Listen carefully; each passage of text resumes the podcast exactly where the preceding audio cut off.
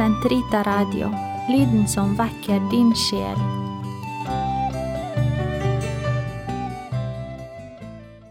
Kroppens teologi, en kommentar til pave Johannes Paul 2.s onsdagskatekeser av Eirik Ambrosius Stenhoff. Totus tuus ego sum, et omnia mea tua sunt, archipio te in mea omnia, prebe mi cor tum Maria. Første del av onsdagskatekesene, triptyken om kroppens teologi. Kristus viser til begynnelsen. Episode 4 Første del av urerfaringene Opprinnelig ensomhet Katekesene 1–7 Del 1 I begynnelsen var det ikke slik. Å nærme seg urerfaringene Katekesene 1 til 4 Pave Johannes Paul 2. åpner sin katekeseserie om kroppens teologi med å vise til synoden om familien.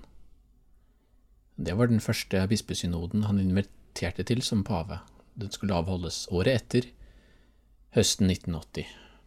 Han begynte katekesene høsten 79. Familien har vært vesentlig fra begynnelsen, sier paven, og peker deretter på Jesu ord til fariseerne i Matteus 19. Der heter det, sitat, Noen fariseere kom for å sette Jesus på prøve og de spurte, Har en mann lov til å skille seg fra sin kone av en hvilken som helst grunn? Han svarte, Har dere ikke lest at Skaperen fra begynnelsen av skapte dem som mann og kvinne, og sa, Derfor skal mannen forlate far og mor og holde fast ved sin kvinne, og de to skal være én kropp. Så er det ikke lenger to, de er én kropp, og det som Gud har sammenføyd, skal mennesker ikke skille. De spurte ham, Hvorfor har da Moses bestemt at mannen skal gi kvinnen skilsmissebrev, før han kan sende henne fra seg? Han svarte, Fordi dere har så harde hjerter, har Moses tillatt dere å skilles fra konene deres, men fra begynnelsen av var det ikke slik. Sitat slutt. Jesus nekter her å gå inn på fariseernes premisser. I stedet for å diskutere enkeltheter i loven, peker han mot noe helt annet, nemlig selve måten Gud har skapt oss på. Og Katekesene i den første del av triptyken om kroppens teologi handler om denne realiteten. For å kunne erkjenne hvem vi er, må vi først erkjenne hvordan vi er skapt, fra begynnelsen. Så hvordan skal vi nærme oss denne begynnelsen? Jesus viser i sitt svar til fariseerne til begge de to skapelsesberetningene i første Mosebok, i henholdsvis kapittel 1 og 2. Paven begynner med den første, som historisk sett er yngre enn den andre beretningen.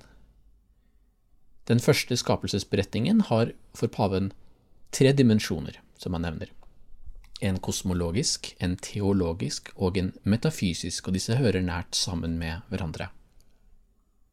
La oss se nærmere på hva, hva alt dette betyr. Beretningen har for det første en kosmologisk karakter, sier paven. Mennesket skapes til slutt som kronen på Guds skaperverk. Det er en del av skapelsen, men er likevel i en særstilling. Det blir befalt å legge jorden under seg og råde over den. I første Mosebok 1.28. Og Dette er selvfølgelig knyttet nært til den teologiske dimensjonen. For her understrekes ikke først og fremst menneskets likhet med de andre dyrene, men dets gud-billedlikhet.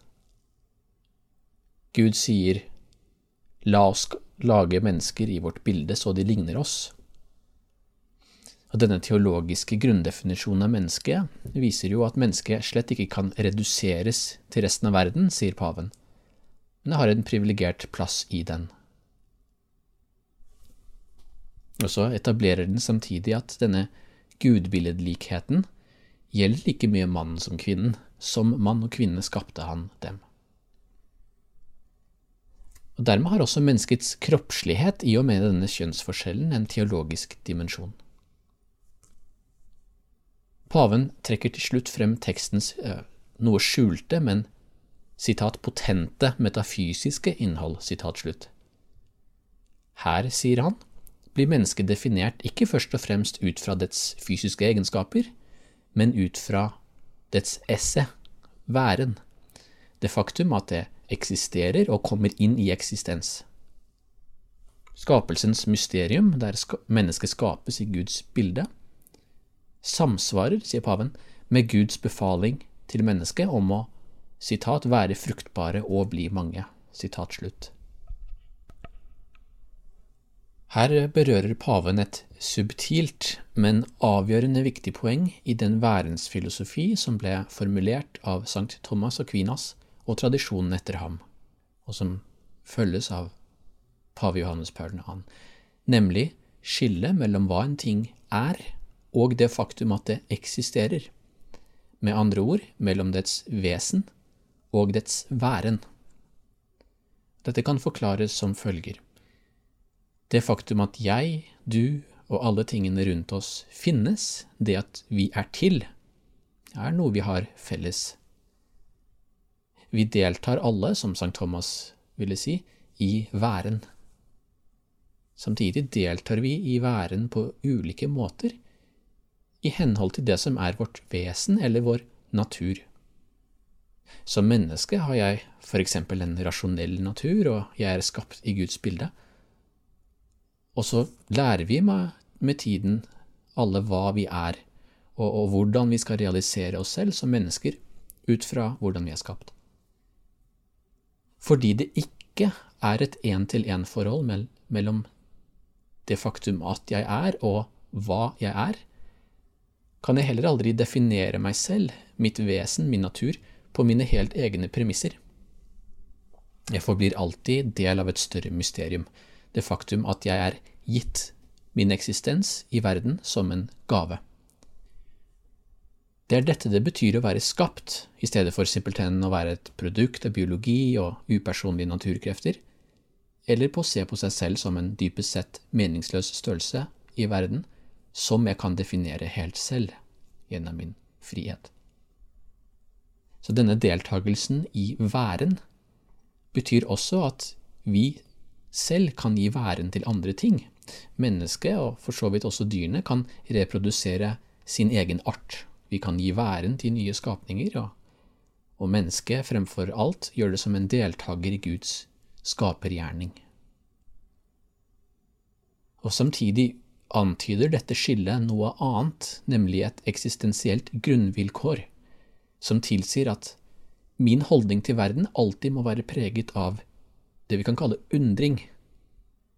Siden det ikke er noen identitet mellom væren og vesen, forblir alt det skapte dypest sett et mysterium som jeg aldri fullt ut kan begripe eller beherske. Her ligger det selvfølgelig et potent korrektiv til moderne naturvitenskap og det teknologiske samfunn. Dette er selvsagt også en vesentlig forutsetning for den adekvate antropologi som paven her ønsker å etablere. Vi kan aldri totalforklare mennesket ut fra biologien eller noen andre vitenskaper. Dette fordrer en grunnleggende ydmykhet i møte med det skapte, en respekt for naturen som også har etiske konsekvenser. Det gjør paven klart når han knytter denne verdensfilosofien til det gode, til etikken. Etter å ha skapt mennesket, heter det at citat, Gud så på alt det han hadde gjort, og se, det var svært godt. Sitat slutt.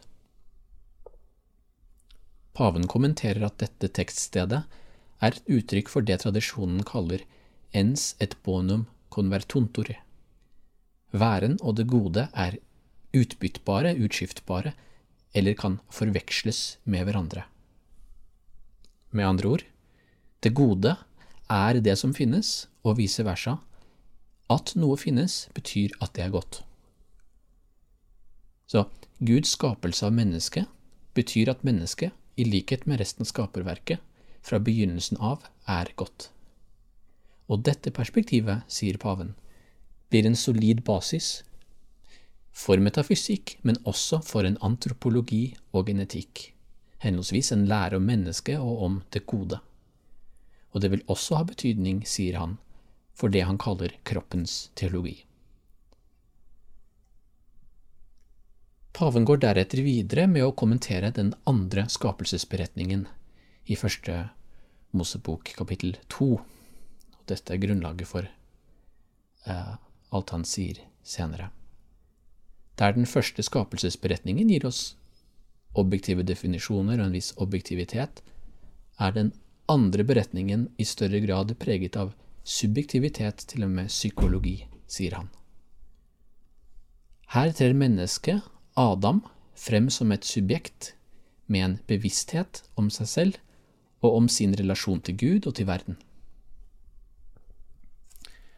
Paven fastslår at en dypere refleksjon over nettopp denne teksten gir oss nesten alle de elementer en moderne antropologi er på jakt etter.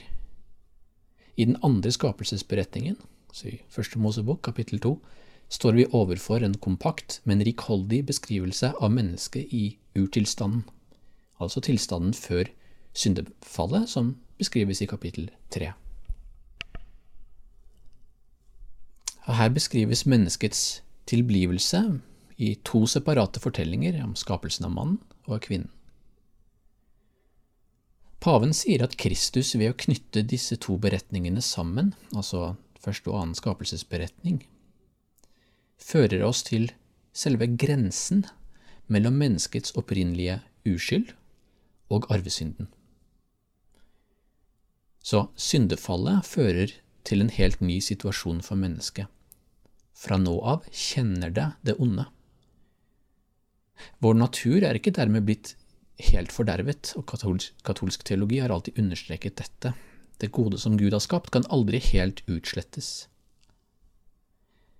Som paven sier, lar Kristus oss gjenoppdage denne vesentlige kontinuiteten mellom vår historiske tilstand og tilstanden før syndefallet. Nøkkelen til denne gjenoppdagelsen finnes i Kristi forløsningsverk, hans frelsesverk, som er lovet allerede i Første Mosebok 3.15. Der sier Gud til slangen, som har ført kvinnen til fall, sitat, Jeg vil sette fiendskap mellom deg og kvinnen, mellom din ett og hennes ett. Den skal ramme ditt hode, men du skal ramme dens hæl. Kirkefaderen Ireneus forsto dette verset som et protoevangelium, et løfte om at Kristus, født av en kvinne, til slutt skulle frelse verden. Og Paulus uttrykker lengselen etter frelsen slik. Sitat. Også vi som har fått Ånden, den første frukt av høsten som kommer, sukker med oss selv og lengter etter å bli Guds barn fullt og helt ved legemets forløsning. Og det er dette, dette frelsesperspektivet, fortsetter paven, som gjør at vi kan knytte vår erfaring i dag til den erfaring som mennesket gjorde seg i urtilstanden, som ikke bare tilhører en tapt horisont for mennesket. Og dette fører ham til en inngående analyse av det han kaller for de tre urerfaringene. Det er altså opprinnelig ensomhet, opprinnelig forening og opprinnelig nakenhet. Så både fariseerne på Jesu tid og vi som lever i dag, deltar si, på samme tid både i den falne natur og i dette forløsningsperspektivet, hvor vi til en viss grad har tilgang til urmenneskets erfaringer. Så hvordan i alle dager skal vi forstå dette? Kan vi ha noen tilgang til disse erfaringene? og hvordan kan vi utlede dem fra en eldgammel tekst med et tydelig mytologisk preg? Senere i onsdagskatekesene understreker paven at poenget med urerfaringene ikke er at de tilhører forhistorien vår, men at de citat, alltid er ved røttene til enhver menneskelig erfaring. Citat slutt. Det er altså ikke først og fremst deres historiske betydning, men deres ontologiske, altså værensmessige betydning, som her er avgjørende. Og myten har kraft til å vektlegge det. Det vi kan kalle urerfaringer eller opprinnelige erfaringer, må dermed ikke forstås rent kronologisk, men som et varig fundament for all erfaring. Men, fortsetter paven, i vår hverdagslige erfaring oppdager vi sjelden disse erfaringenes ekstraordinære betydning og ontologiske dybde. Selv om, sier han, vi i en viss forstand alltid forutsetter dem. Derfor kan han si at vi rett og slett ikke kan forstå vår erfaring her og nå uten å vise til urerfaringene på en eller annen måte. De kan kanskje forstås best gjennom en kontrast, som han sier senere. Det kan vi fremstille slik. Når vi ser på våre faktiske erfaringer, ser vi også hvordan opplevelsen av vår egen skyld og syndighet peker på et motstykke, en kontrast.